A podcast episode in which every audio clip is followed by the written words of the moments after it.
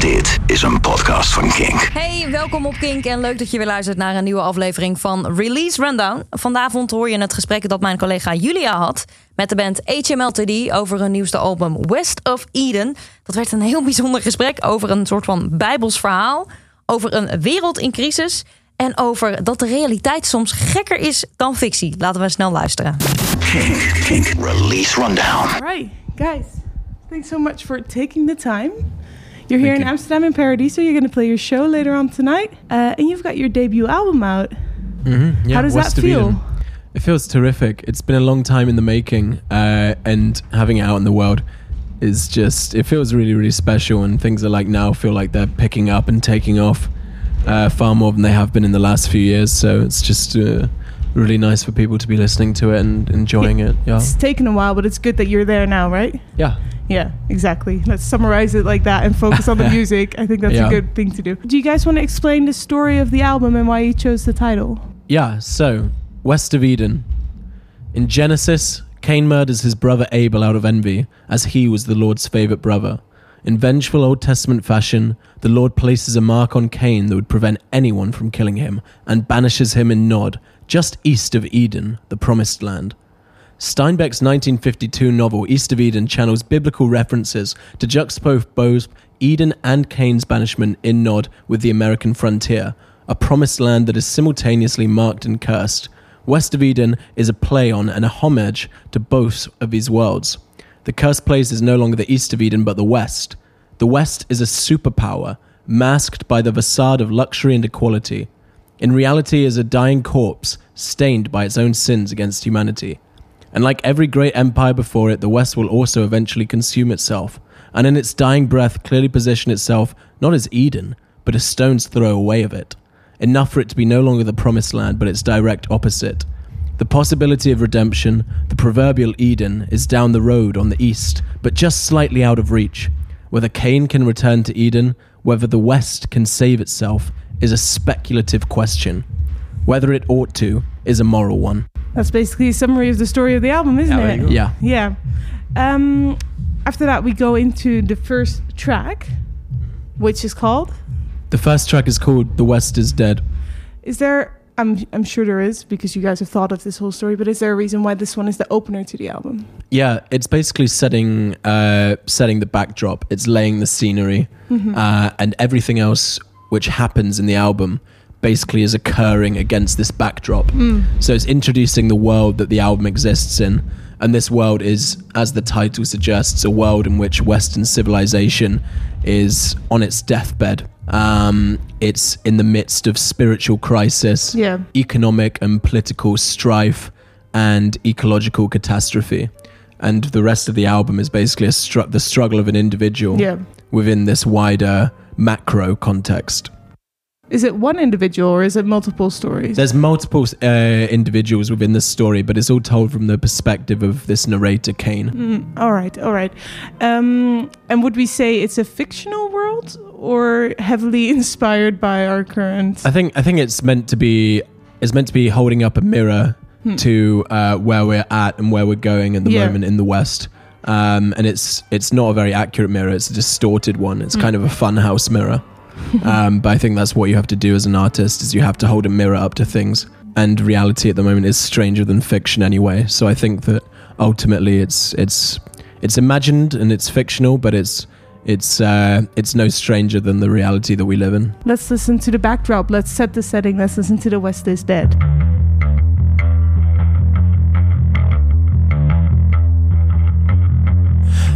Years ago I said.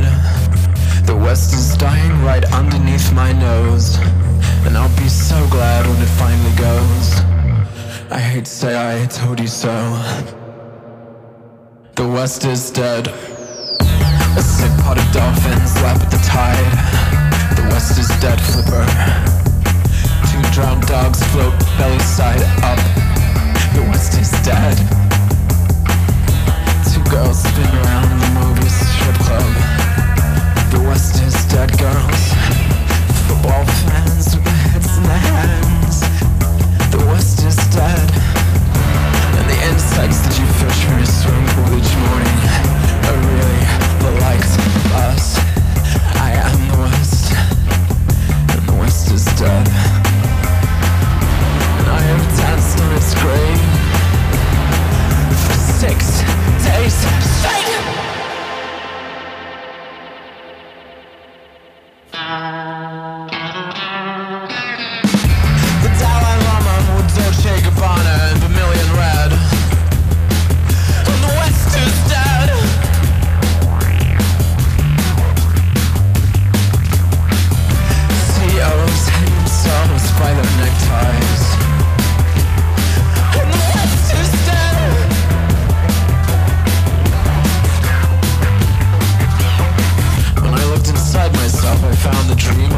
Lifeless glass desert. And all of this is lonely graspable. And all of this is pure pollution to the cosmos. I am the West.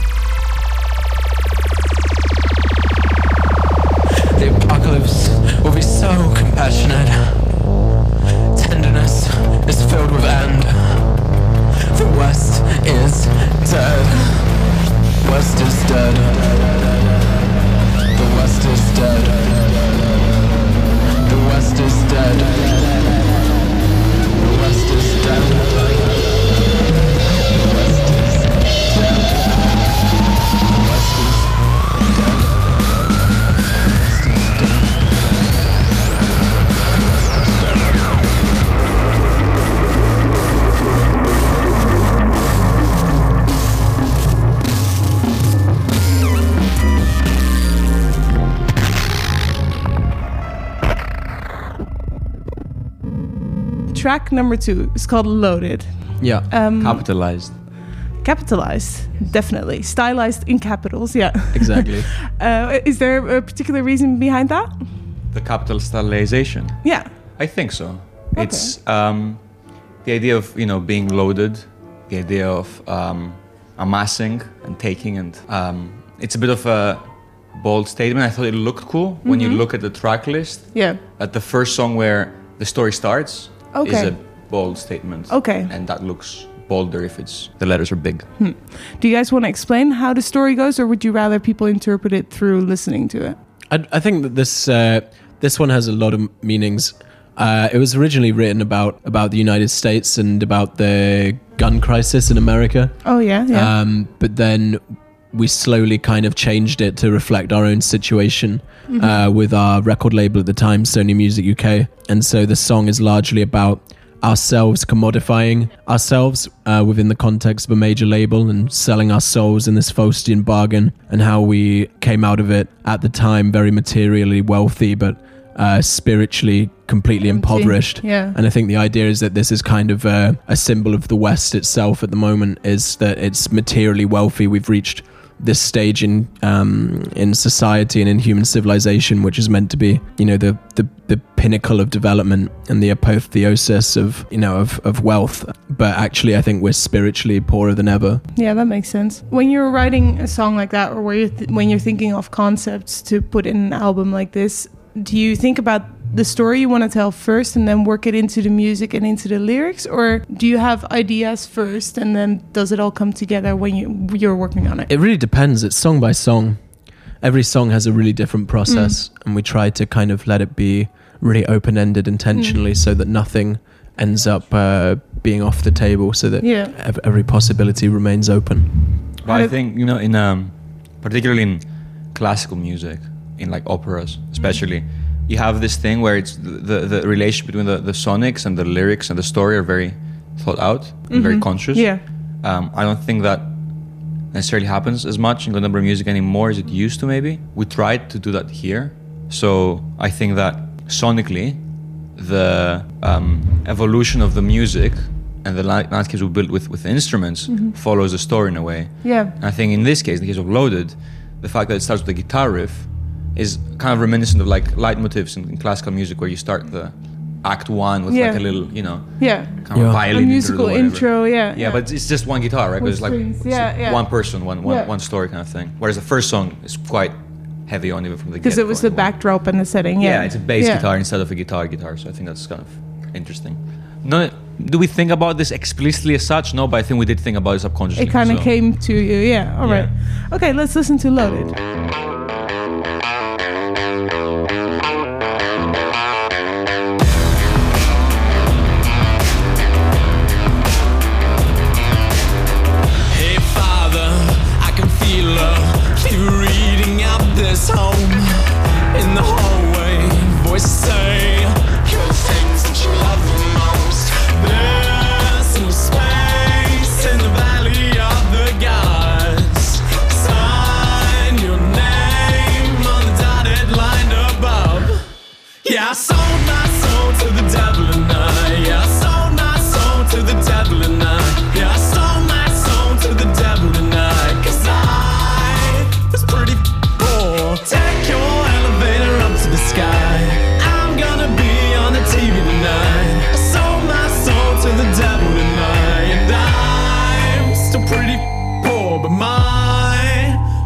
Pretty loaded.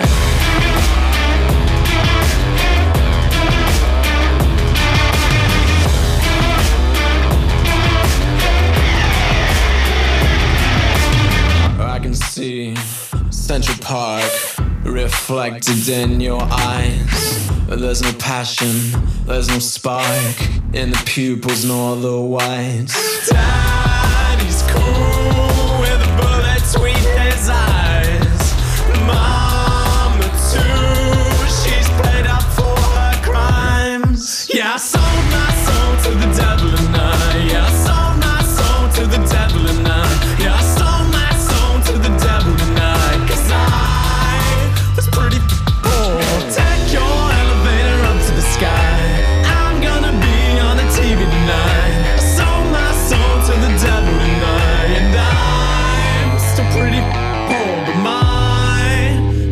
Pretty loaded.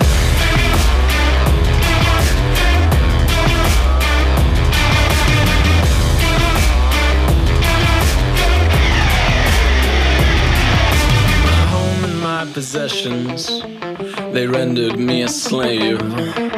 So I set my heart free. I went home and blew it all away. The espresso machine drip, the plasma screen display,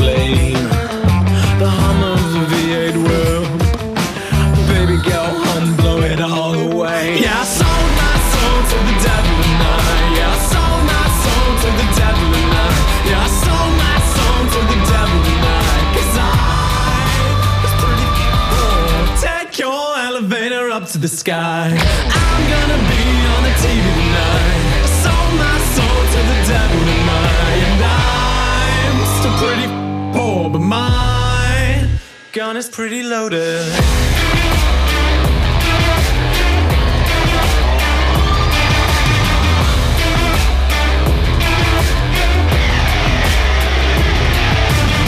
Track number three.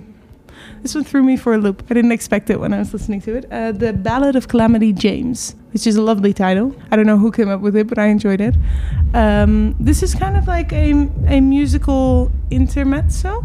Yeah. Do I put it down by calling it that, or is that how you guys see it as well? I think it's kind of an intermission. Um, it sets the tone.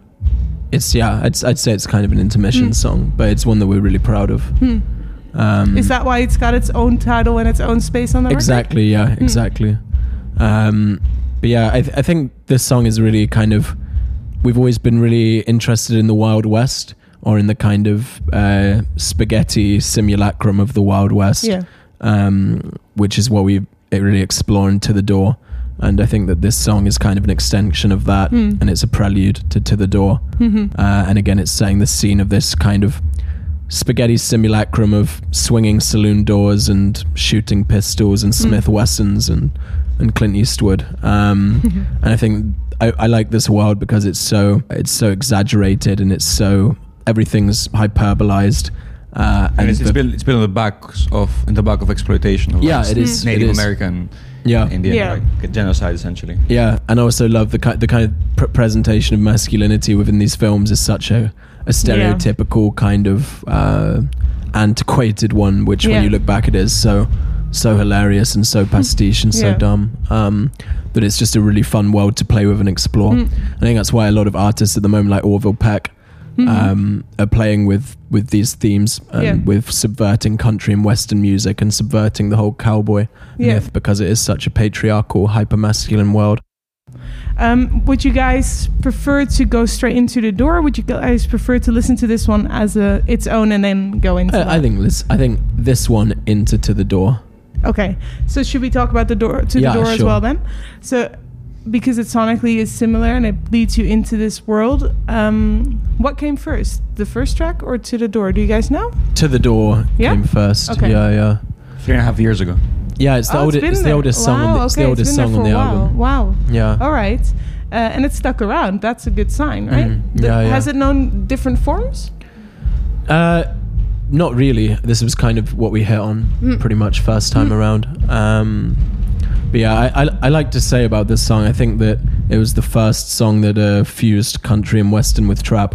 Um, For, uh, so- Which is a Before you know popular thing now. Yeah. yeah, Yeah, yeah. before Lil Nas X. Yeah. So we need to try and like get It's some of those keep the years royalties or something. Yeah. Okay. yeah. Yeah.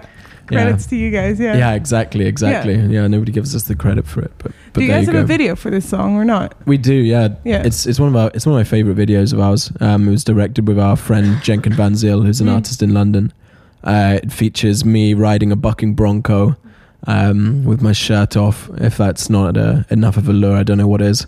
um, what else has it got? It's got ghosts. Um, it's got it's again. It's set in this like spaghetti uh, western. Yeah. Breaks the fourth wall a lot. It breaks the fourth Yeah, wall quite a which lot. funny. It's got Cool. lots of uh, lots of symbologies uh, to do with masculinity, and uh, yeah, I think it's it's um, it's a video that we're all really proud of. I say Yeah. something about um, in relation to the track before as well. Yeah. Um, so the first two songs are really heavy, Yeah. and the fourth song is really heavy to the door. Mhm. So we thought it would be interesting when we think about the track listing to place the ballad in between these three things to kind of throw the listener off a bit. Yeah. So you're kind of like getting into it, and then you're like, yeah, Whoa. it did that, and then it And went then a you're like, completely oh, okay. different way. Yeah. The first time you listen, maybe it's a bit jarring, but I think after a few listens, you you understand that the reason why it's broken up like that is Yeah. so that you kind of like um, are uh, prepared for what's happening in the rest of the album, which is Yeah. a constant tug of war between like Yeah. different emotions and genres. Tag so and it's like an early preparation for um, the confusion that ensues. Ah. Yeah. Okay, well, let's throw everyone listening right now into that loop and let's listen to the Ballad of Calamity James and To the Door.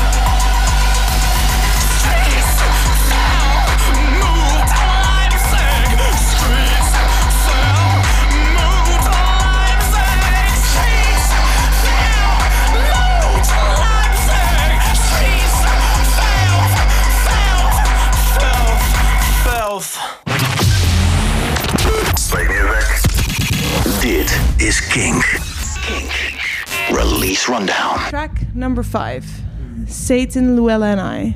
Is that pronounced right? That's right. Yeah, okay.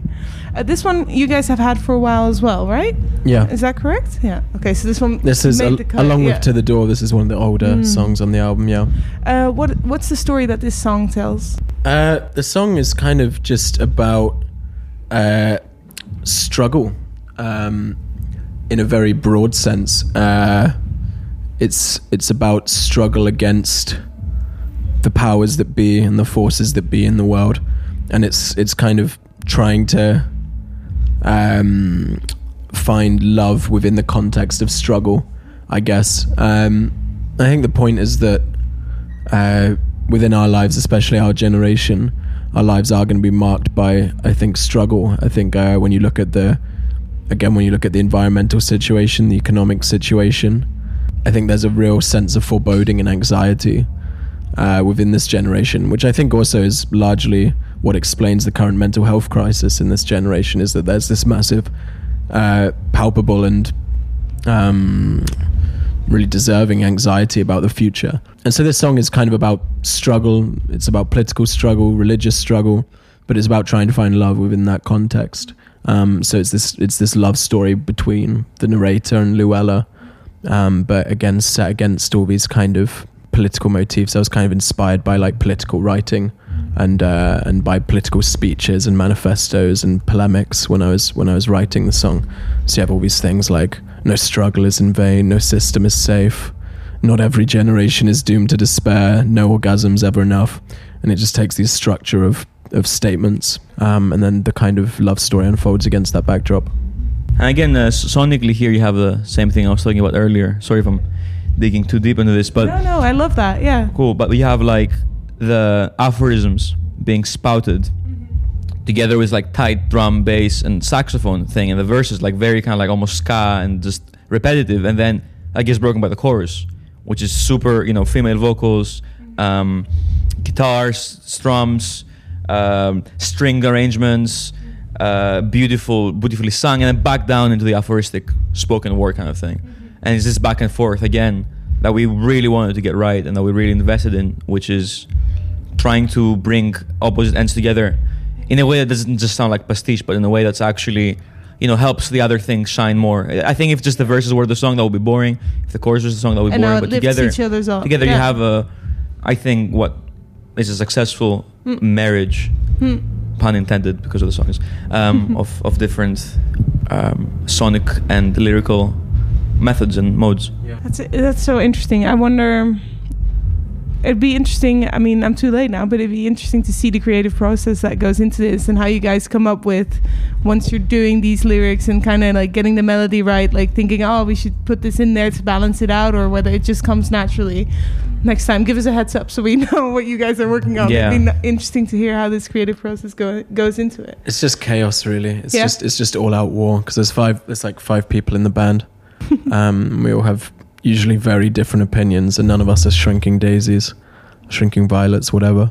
Um, we're all quite forthright Mm. um, and really eager to have our wills prevail within And the process. So it's, there's a lot of infighting. But I assume this is everyone's happy with this, right? Yeah, Yeah, that's a good one. Yeah, yeah. Yeah, no, well, yeah, definitely. you never know, but I'm assuming that we're all good here. The biggest yeah. argument was about the name. It took, which, but Yeah? again, Oh, it's yeah, like, it, we took like a month arguing back and forth between the name.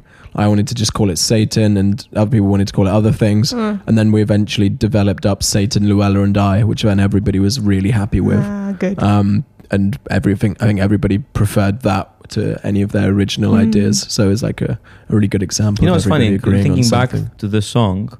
Originally, the first demo, uh, the delivery and the instrumental was pretty consistent throughout the choruses and the verses. Yeah, But then Ah. slowly, I think subconsciously, we managed to do the distinction. Both of both of us, both you and the, the yeah, no, the definitely. instruments. So Yeah, I think yeah. that that's kind of Ah. like mirrors the whole. Funny. All Yeah. right. Okay, let's listen to it. Satan, Luella, and I.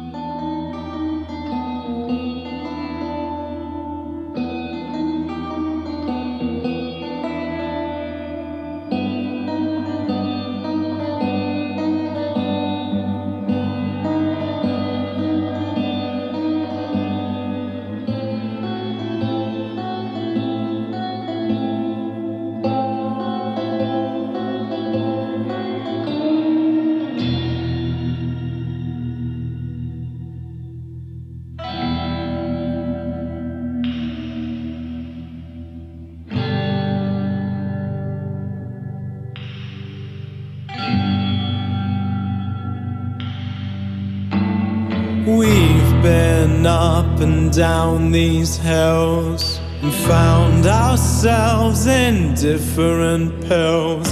And I met Satan in a cheap motel. She talked at length about Orson Welles. You were washed up on the shore, lamb's blood.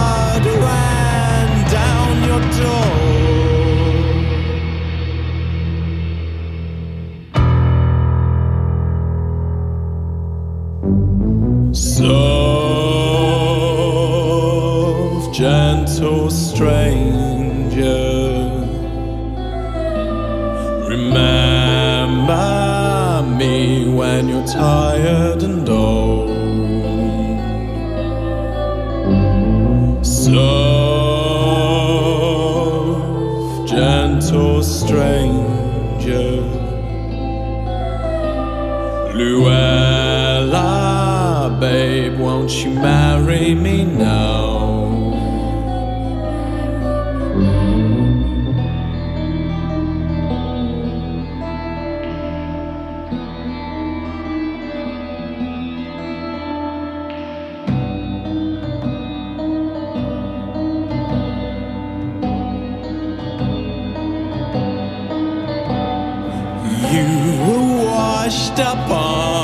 shore.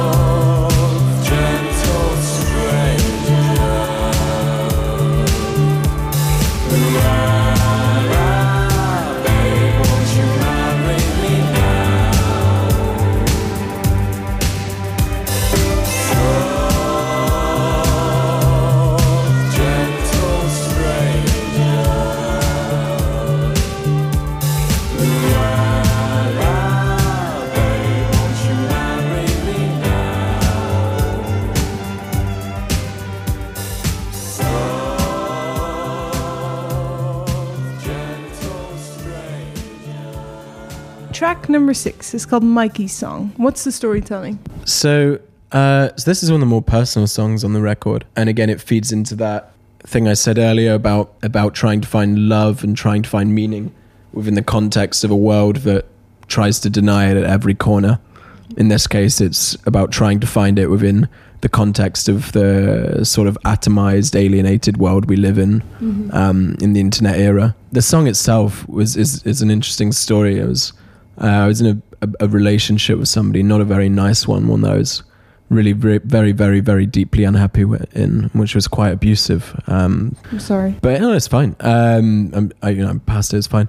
But um, but uh, but I wrote this song about the relationship, and my partner at the time really hated the fact that I'd written this song about the relationship and about them, uh, and really scolded me for it and said that you know I, I wasn't allowed to do that and whatever. Uh, and so my response to that was I decided to write a song about myself instead, but written from that person's perspective. Um, so that ended up being Mikey's song. So I'm Mikey within the song, and it's sung from the perspective of my ex forward slash stalker, I guess.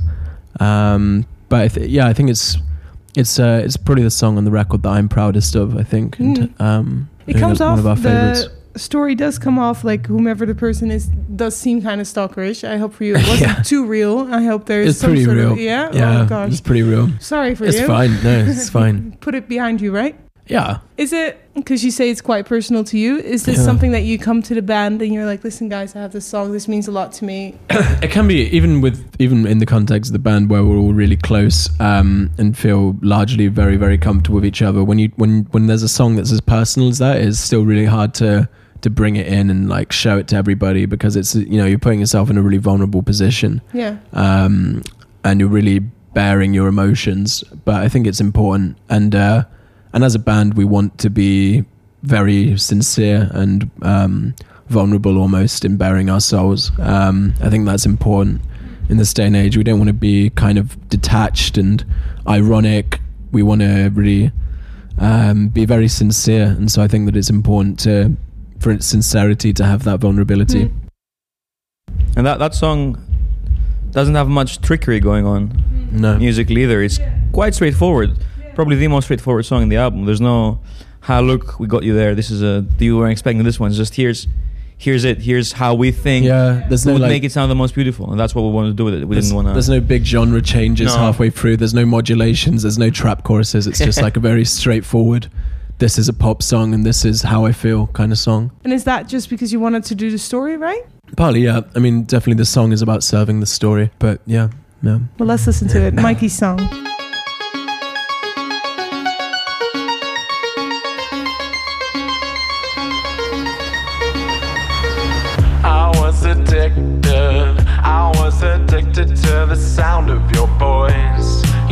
That I was. You were a victim. You were a victim of the things that you loved. The pressure was too much.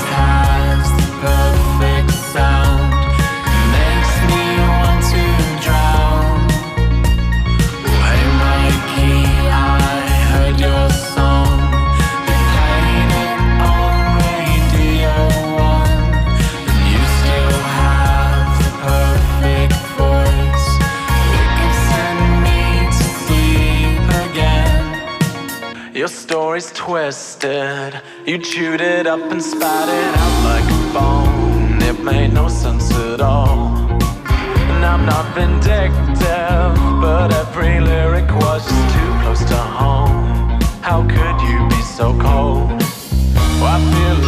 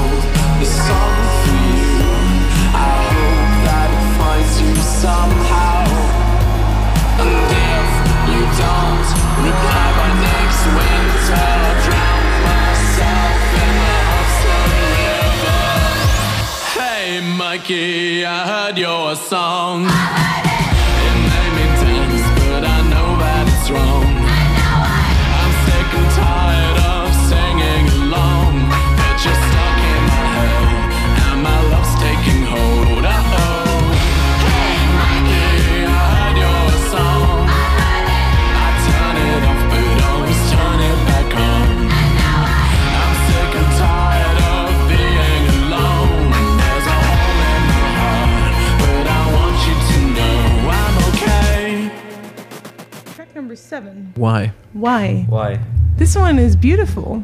It's really beautiful, yeah. I think this this was one of my favorites. Um, if. I'm allowed to have favorites, do you guys have a favorite song? For Uh, me, yeah, for me, it's Mikey's song, Okay. and nobody stays in love.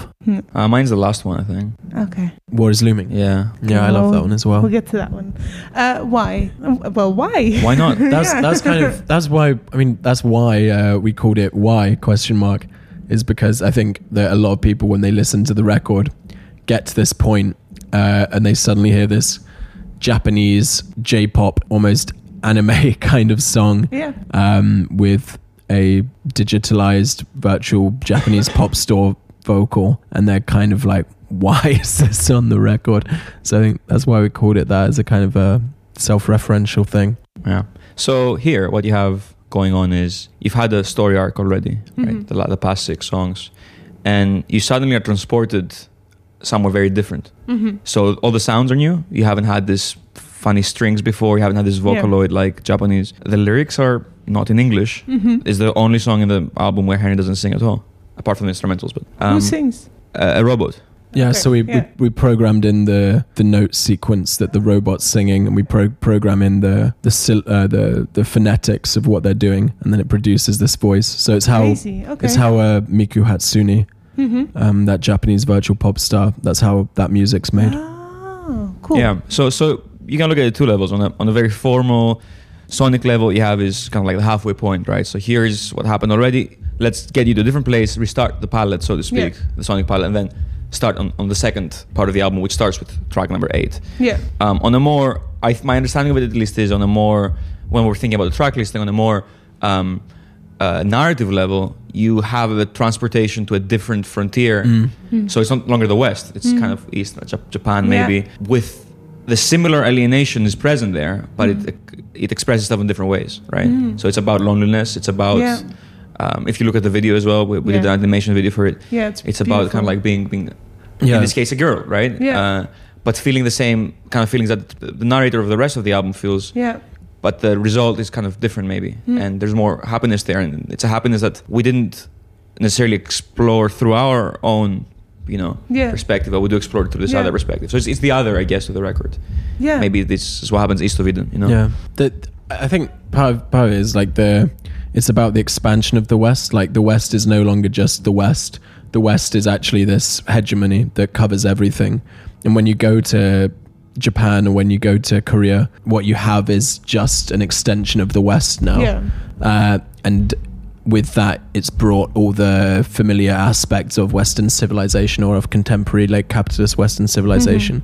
And so you have the Mm-hmm. And loneliness issues. and the alienation, Yeah, yeah. and this, and that's what the lyrics in Japanese are about. Is about feeling the kind of like the paradox of being in Tokyo, the world's largest metropolis, Mm-hmm. and feeling lonely because you're so detached and because you're so anonymized. And then the chorus isn't actually in Japanese; it's just something that sounds like Japanese, but Oh. it actually becomes detached from from any linguistic association. It's just a random and meaningless series of vowels and consonants, and that's meant to kind of like mimic the the vertigo of increased alienation and of feeling distant and separate from everything. It's interesting because whomever's listening to this, they're going to hear the song after, and I wonder because when I first listened to it, this is kind of the th- I didn't uh, obviously not as eloquently put as you guys put it, but that's the f- the feeling, the general theme I got from it without knowing what the words were and if you even need the lyrics, which is an interesting experiment because sometimes you do, but sometimes the words can just be an instrument and the music can tell you the story. But when I when I Yeah. played this the album to my parents first time, like kind of like six months back, yeah, this was the only song my mom my mom cried at. I was like, why why are you crying? Like this the lyrics. And she's like, I don't know, I'm just am. And I Yeah. find this really interesting. Mm. You know, it's Yeah. it's not even Japanese. It's the chorus. Is, Yeah. is, is nothing, but it's so much at the same time. yeah. So you know, sometimes you, words don't really work, and you have to tap at something else. Yeah, definitely. And that's why. Let's listen to it.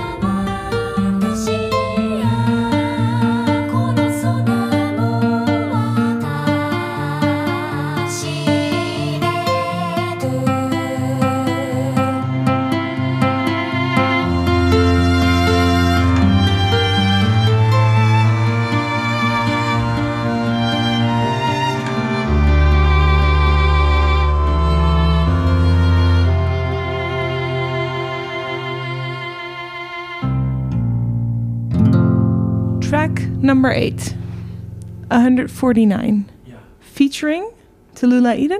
Yeah, thought we'd give that shout out there. It's on yeah, the credit big shout list. out. Yeah, Tallulah actually sings on uh, a lot of the songs on the I was record. wondering that. Um, Okay, so you yeah. can hear her on Satan, Luella and I. You can hear her on Loaded. Hmm. You can hear her on Mikey's song. Uh, you, you can hear her literally all over the album. But this was a song that she actually co-wrote with us, Ah, okay. which is why she's featuring here. All right. Yeah. How did that come about?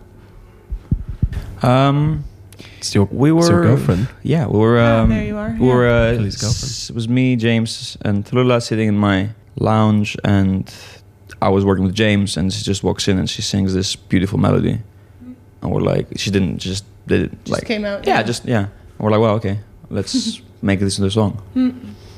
And that's how what- it started. That's how it started. Yeah. And what's this storytelling?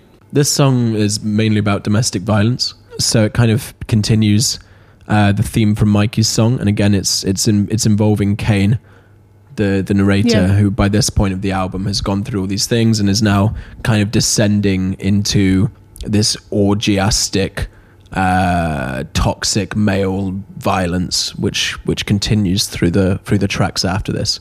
So this is past why it's opening up on this new kind of act in the album and basically the kind of almost struggle of you know of being within this world is they've mostly failed this struggle and uh and now it's kind of just the album descends into yeah violence and chaos and so this album sorry this track uh has a lot of intercontext inter intertextual references with the Mhm. other songs you see the disintegration of the relationship with Luella who Yeah. who was asked for her hand in marriage and Satan Luella and I, and is now throwing her engagement ring in the water. And you see murder in this song, and you see violence, and it's kind of like the the narrator's yeah descent. Really, I think it mm-hmm. was the album was a, a lot inspired by the Downward Spiral by Nine Inch Nails in terms of the kind of the structure of it and this and this descent into into violence and and, and everything and uh, and claustrophobia yeah Hmm. um, and so this song kind of begins that process Have you guys? I mean, obviously, you've thought about the full story, and it's it's almost structured like an opera or maybe a musical would be, where it's. Mm. Have you guys ever thought about conceptualizing it in that way? I'd love to do that yeah, yeah, Yeah. well, that I would be amazing. Yeah. At, at the moment, the way that the narrative's structured is it's not entirely linear. Hmm. Um, it jumps around quite a lot, um, but it's all still telling the same story. Some of it's in flashbacks, Yeah. like One for Nine, for example, is Yeah. it's it's it's a flashback. He's recounting it um, as a confession Mm-hmm. within the pres- within his prison, which is why it's called Confession One for 9 And he's detailing what happened that day Mm-hmm. Yeah. long ago. Yeah. Another interesting tidbit here to add more on the formalist. Yeah. Uh, there's 40 seconds of silence between Why and 149, Yeah. which is the longest span of silence the whole record. That was intentional because, again, Why is the refresh, and then you're almost thrown back into where we were before after mm. Mikey's song. But obviously, something's happened, right? Mm. And we never show in the album exactly what happened, Yeah. um, but we show the aftermath, so to mm. speak, of Yeah. you know. So here is we're we're darker, we're deeper. We, we talked about the West declining. Time has passed. Yeah, Yeah. yeah, yeah. But now we're talking about the narrator declining and finding himself in an ever, Yeah. you know, a, a- a spiral downwards towards inside. Again, I think there's psychoanalytic, a lot of psychoanalysis there Yeah. happening as well, especially with the next song, which we talk about. Yeah, I think I think the spiral of the individual is basically yeah meant to mirror the spiral of, of his society. Mm. Really. Okay, let's listen to 149 and jump into the rest of the spiral.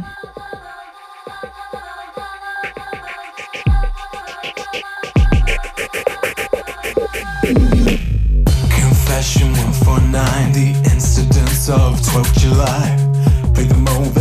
My mind, awake screaming in my cell each night. Swear to God, when my fault have been schizo since the day Luella threw her engagement rings in the water and issued her restraining orders. Do you need her? Do you want it? Now you got it. What you waiting for? Oh no, don't tell me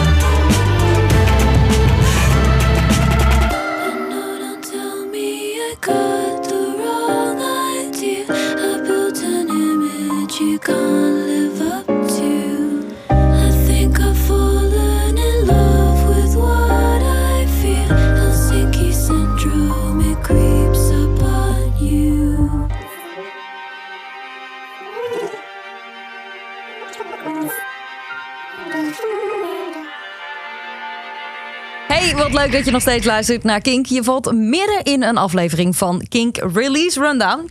Tijdens deze aflevering praat mijn eh, collega Julia met de band HMLTD over hun nieuwste album West of Eden. We zitten er middenin, dus we gaan snel door. Dit is Release Rundown. Rundown. Track number nine is called Joanna. Yeah, And then it's followed by another song. called Where's Joanna? Yeah. And I'm sure you have a reason for making it into two songs, right? Yeah, yeah. I think they go nicely one after another. But yeah. Absolutely, yeah.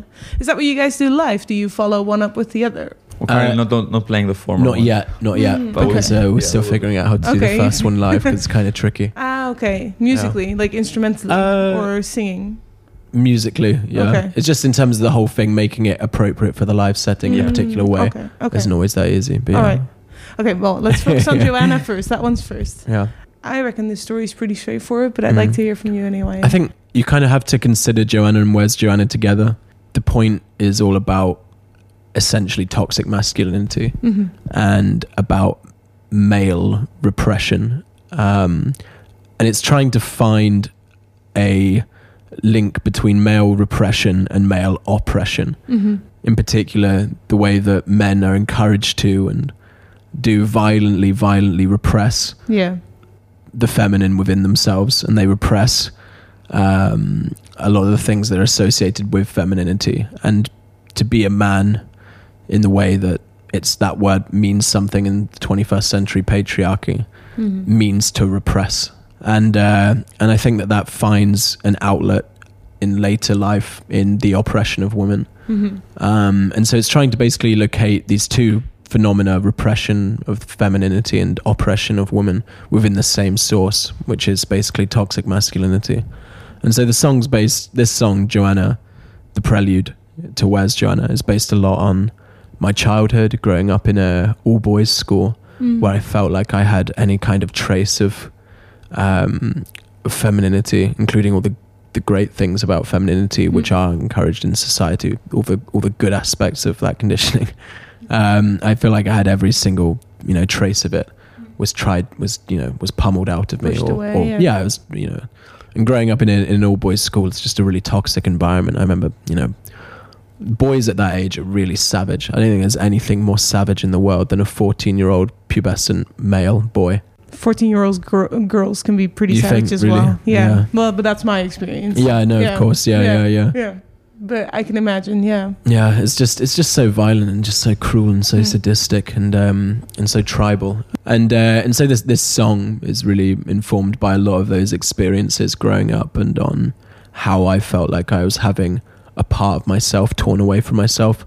So it's kind of about uh, gender dysphoria and uh, but more than anything, again, it's about it's about toxic masculinity and and, and repression. I think it's really hard to have a conversation about that.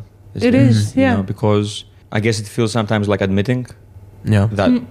it's part and parcel of being a man that you get, you know, you, it's really hard to understand what being a man is in the first place. Yeah. But at the same time, accepting that there's all this context there from within it, so to speak, Mm-hmm.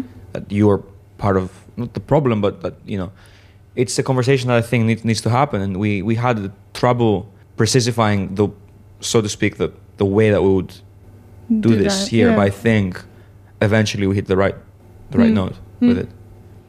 Is that is that something where you come in and you you bring this story and you say this is important to me and this is important to all of us and then you s- everyone starts putting in their ideas and, and ways to communicate this? Largely, yeah. I think for yeah, I think this particular song was probably one where it was mostly, Hmm. Um, at least in terms of the story, was was almost entirely me, just because Yeah. it draws so largely on my on your on my childhood experiences. Um, yeah, Yeah. Do you guys want to play Joanna and Where's Joanna back to back, or would you guys prefer to listen to the first one and then go? I on? think the first one, and then we'll talk about where's Okay, Joanna after Let's that. listen to Joanna then.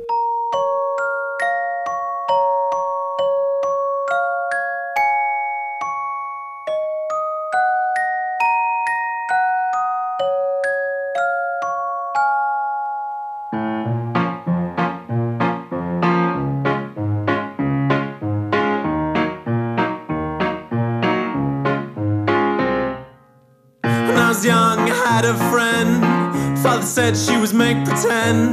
Joanna was her name and life was innocence. The dogs tried to claw her out. The pills tried to push her down. She was part of me, she came back again. But not before long, when all was said and done.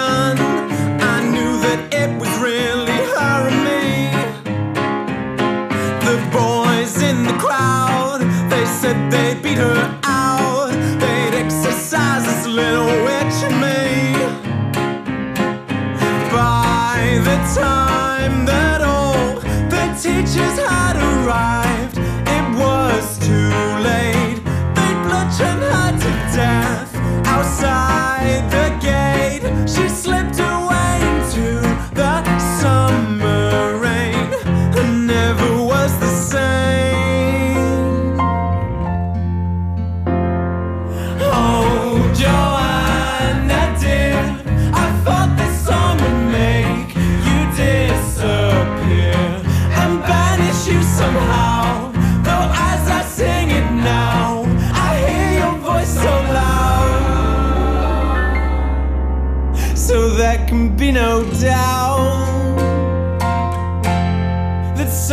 you crept out.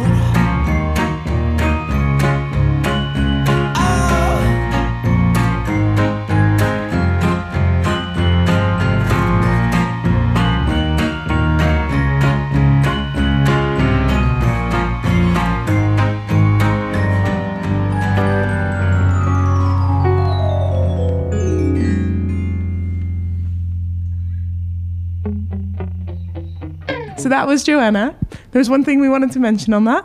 Oh no, it's um, the way that the way that is mastered uh, means that the intro guitar riff of "Where's Joanna" happens at the end of Joanna, so Ah. the listeners might find themselves. Well, it's a um, good reason to listen to the full album Yes, please. without Yeah, the yeah, yeah. podcast. Exactly. But I'm Yeah. sure the commentary would be very helpful, and thank you yeah, so much. well, for- I can go back and forth. yeah, yeah, yeah. Um, so after Joanna comes Where's Joanna? Yeah.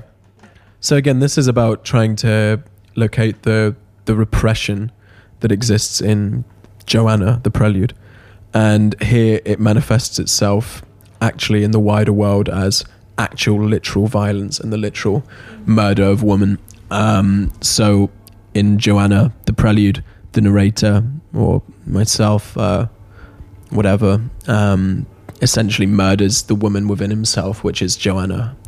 And here you have a kind of uh, externalized version of that same story where the narrator actually murders a woman called Joanna. So it's these songs really do have to be taken together. They're Yeah.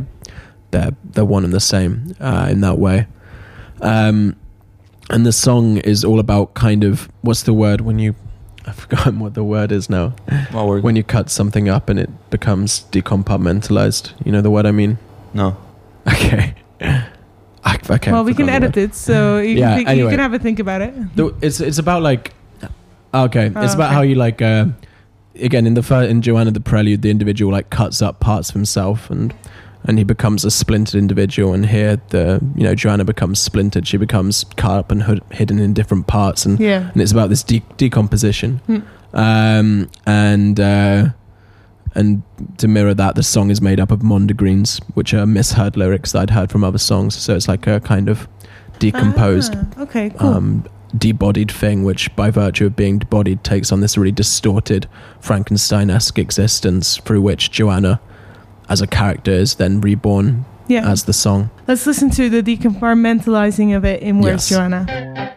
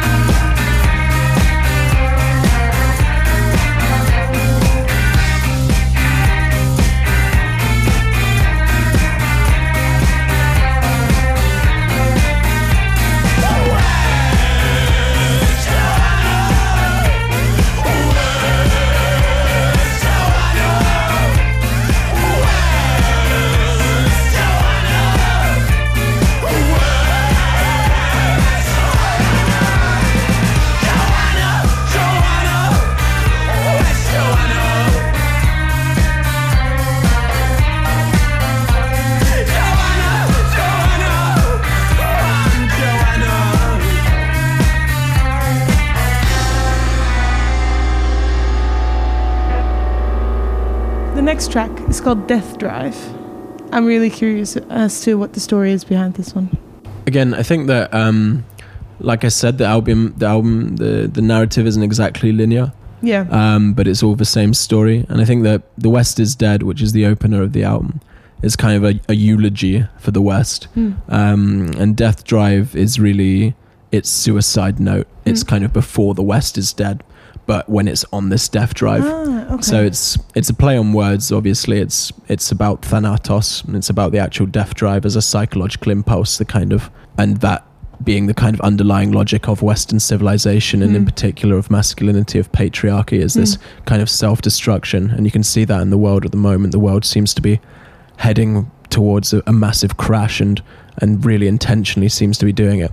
And then that's also a very more basic level, literally a song about somebody driving really fucking fast and and they're going to crash their car and that and that is again the narrator. So it's again trying to find this uh, find this analogy between the narrator's story and the Hmm. actual decline of the West, and it's the decline of these two things in the form of the death drive as this overriding logic, the logic of capitalism, the logic of Western civilization, the logic of patriarchy and of maleness. Mm. And the musical side of this song? Well, it's very raw, right? There's Yeah. there's not that much going on in terms Yeah. of melody. Yeah. It's drums and bass mostly. Just rushing through as well. Yeah. yeah, Yeah. it's just really distorted. But the first verse is nothing, Yeah. and then you get the chorus, and then you get like a folk horn, and then you Mhm. get more drums and bass, and then you get the second chorus. So it's like it's just a it's It's a it's a car crash. up. It's a car Yeah. crash. It's a crash. Both. And this is probably how like you know when the stock market crashes, what it sounds like. I hope. Ah, I don't hope necessarily, but I think maybe. It'd be nice if it sounds like this. Yeah. Yeah. Yeah. Yeah. Thank you, I guess. yeah. Um, but yeah, that's that's the idea. The idea Okay. is what we're thinking. How does a car crash sound like? Yeah. Apart from push. Yeah. okay. Let's listen to Death Drive.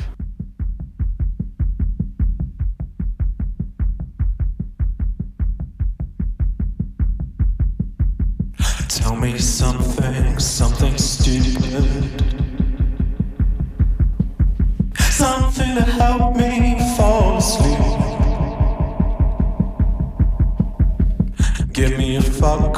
glass of whiskey. Lie to me right through your teeth. Holy moly, moly, why you so cool? Instead of suicide, Hollywood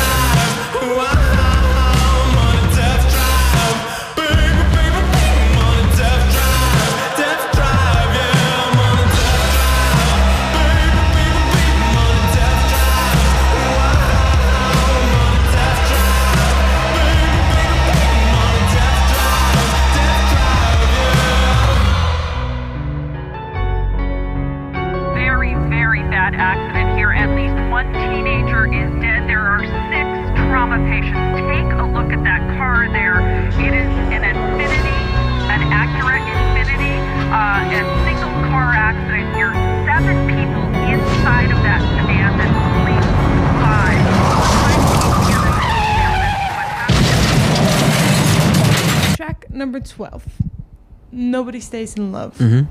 I've heard this one mentioned just before. What's the story?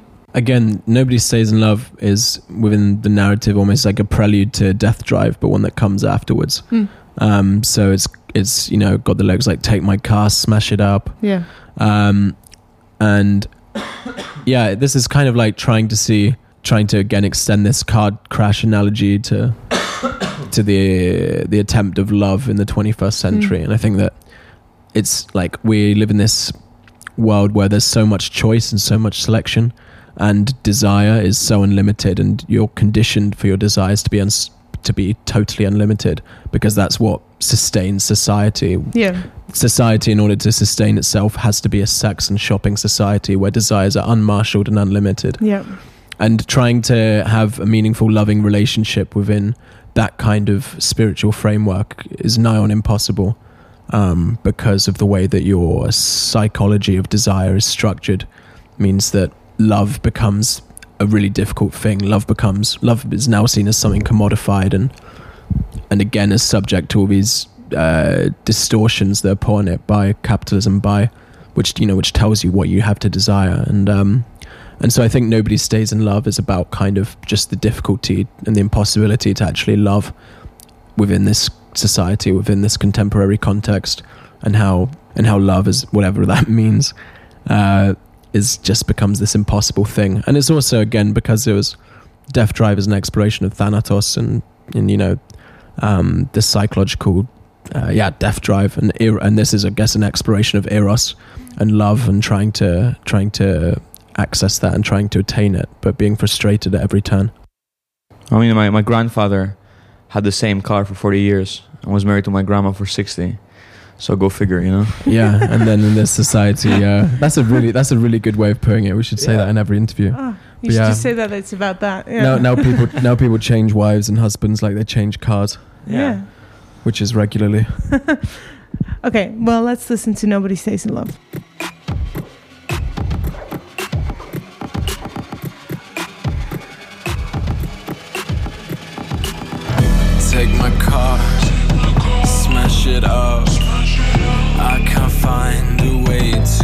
To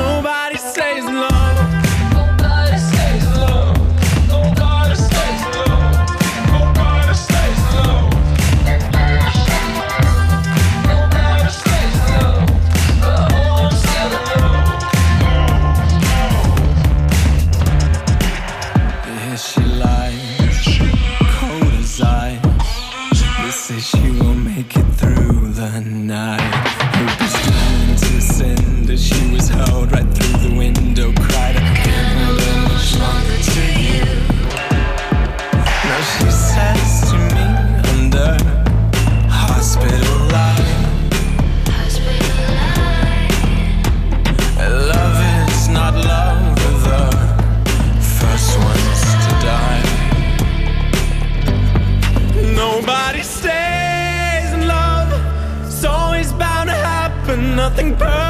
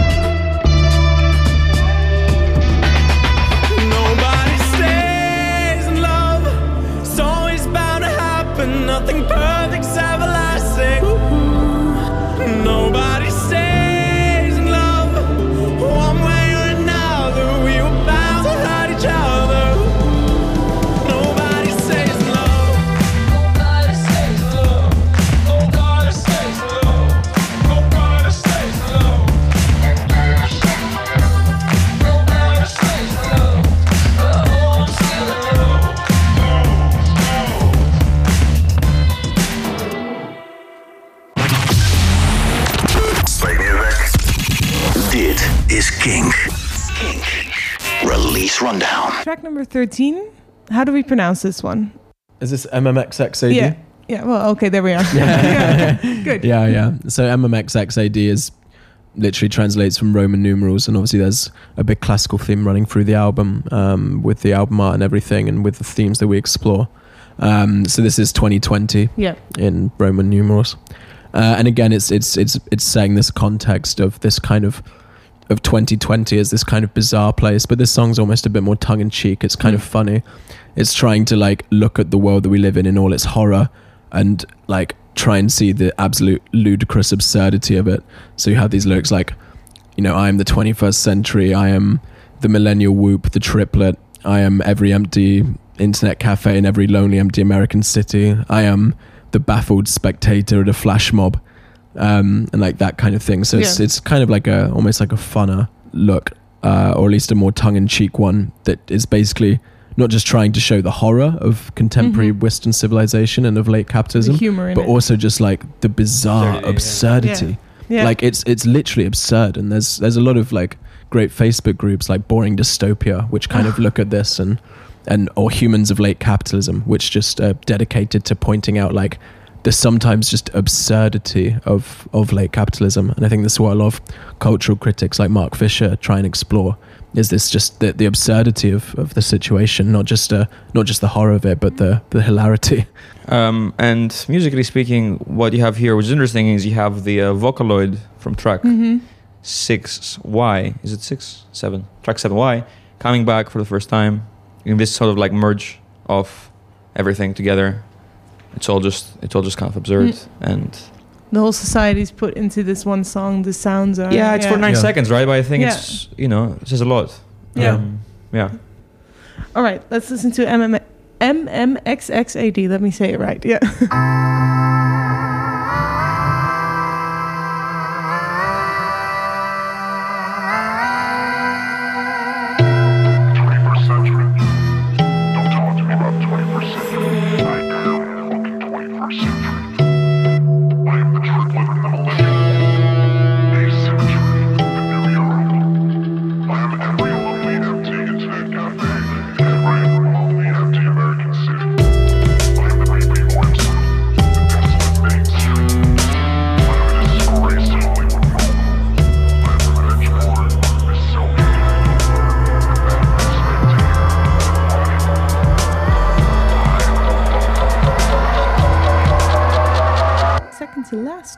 the 14th. It's called Blank Slate.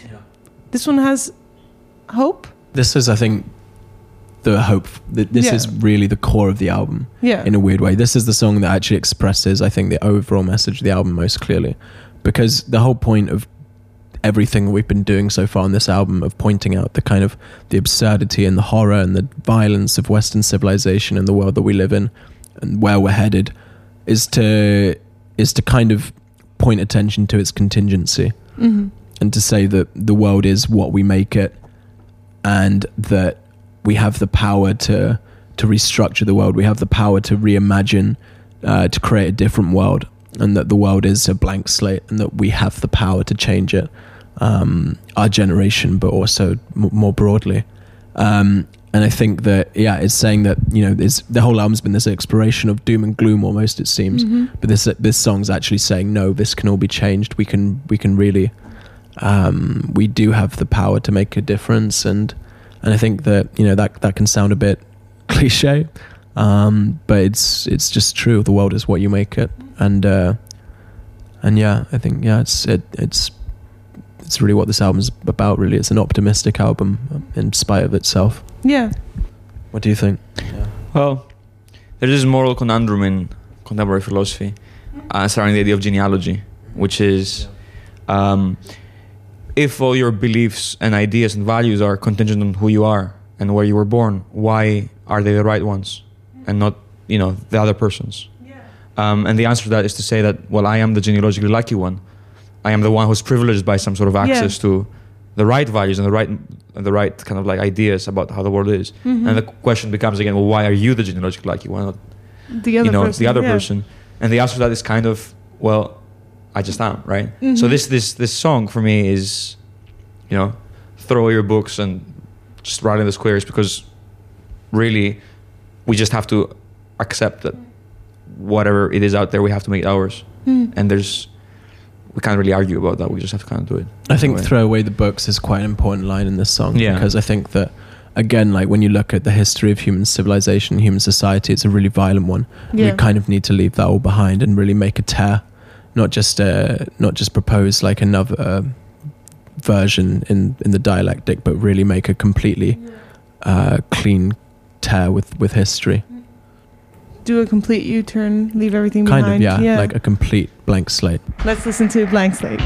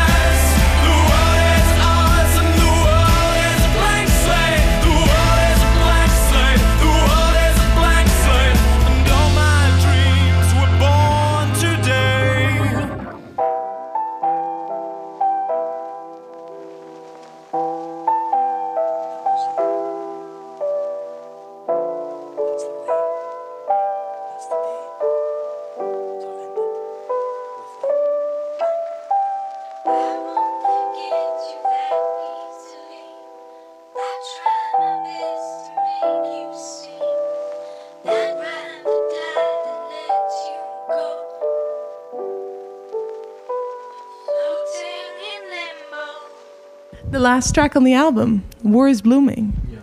Um, I was so happy we ended on a hopeful note, and then this one followed up with that. kind of yeah yeah it's it's funny i still think that blank slate yeah it was it was quite a big question which one to end on um but i think that blank slate is like this is how it could be but war is looming is then like The realistic- but like okay but we like let's let's here. get back to the point which is also that this is yeah this is how it could be look at blanks. this is how like this is what needs to happen but let's not forget that the current situation is still a fucked one yeah. um, and Fair again, enough. it's it's it's about the end point of everything that's been happening so far. And on the album cover, you have Romulus and Remus, yeah.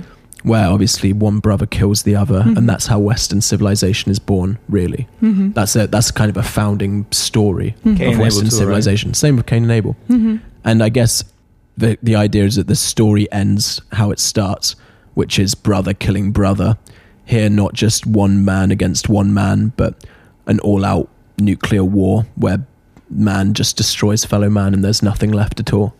Hmm. Um, and so I think it's kind of like that is basically the end point of that's the logical end point of everything that's happening on the album. All the violence, all the toxic masculinity the circle. Yeah. capitalism. This is the log. This is it taken to its logical extreme. War is looming. Man presses the big red button on himself. And again, it's also about how I think this is largely to do with masculinity and the logic of masculinity, and uh, and how that needs to be reformed. Which is why the chorus explores like you know this idea of I know it's different for girls, whatever Mhm. um, which isn't meant to be patronizing or anything or essentializing, but just meant to point Mm. Yeah. to the fact that we really do think that There's this is a, a yeah. masculine thing, and Yeah. uh, and that until we you know overthrow patriarchy, we have no hope of really overthrowing um, all these other problems. Um, for for me, uh, you know, these comic books. When I was a kid, I remember where you were like you, cho- you choose what to go next. Kind Oh of thing. yeah, yeah. Yeah, You choose me, the I'm- narrative. Yeah. Yeah, maybe maybe maybe maybe maybe not for you. Maybe it's just me listening to the album, Mhm. but I felt like there's two alternative endings, right? it's Ah, kind of okay. like well, choose choose choose your choose your path. Either Mm. Either we can Yeah, yeah. kind of like remake change this, the future, ch- change or the we things, stuck in where we or are. we're going back to square zero, which Yeah. is the West is dead in this Yeah. case, and like yeah, I think you can definitely see destruction. I those alternative that. endings. Yeah. Yeah. Okay. and it's it's urgent. It's there's an urgency there, Yeah. which is to say it's kind of you know it's now it's an Mhm. MMX XAD or Yeah. whatever. We we have a choice to make. Either we can continue down the path we've been going for the last few hundred years, and then you know look what happened Yeah. to Rome, look what happened to all the great empires that artificially pumped themselves up into the point of explosion, or we can perhaps think about doing things in a kinder way. That requires a leap, however, that I'm not sure we're ready to make yet. So, if you're an optimist, then maybe the album has already ended. If you're a pessimist, then here's the here's a real one. Yeah. Let's listen to the other choice.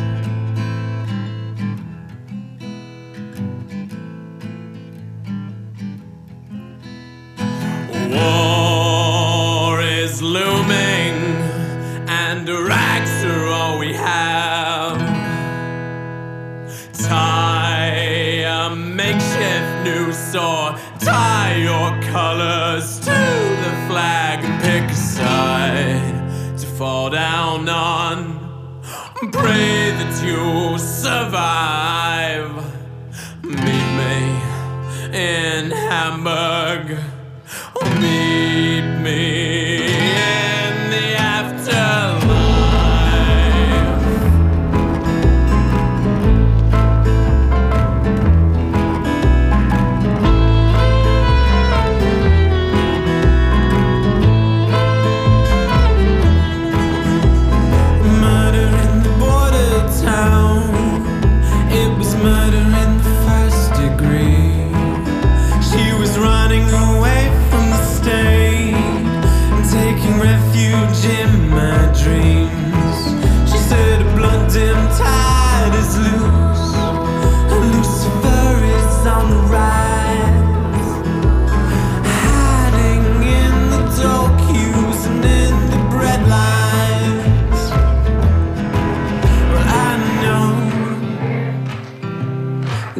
Different girls.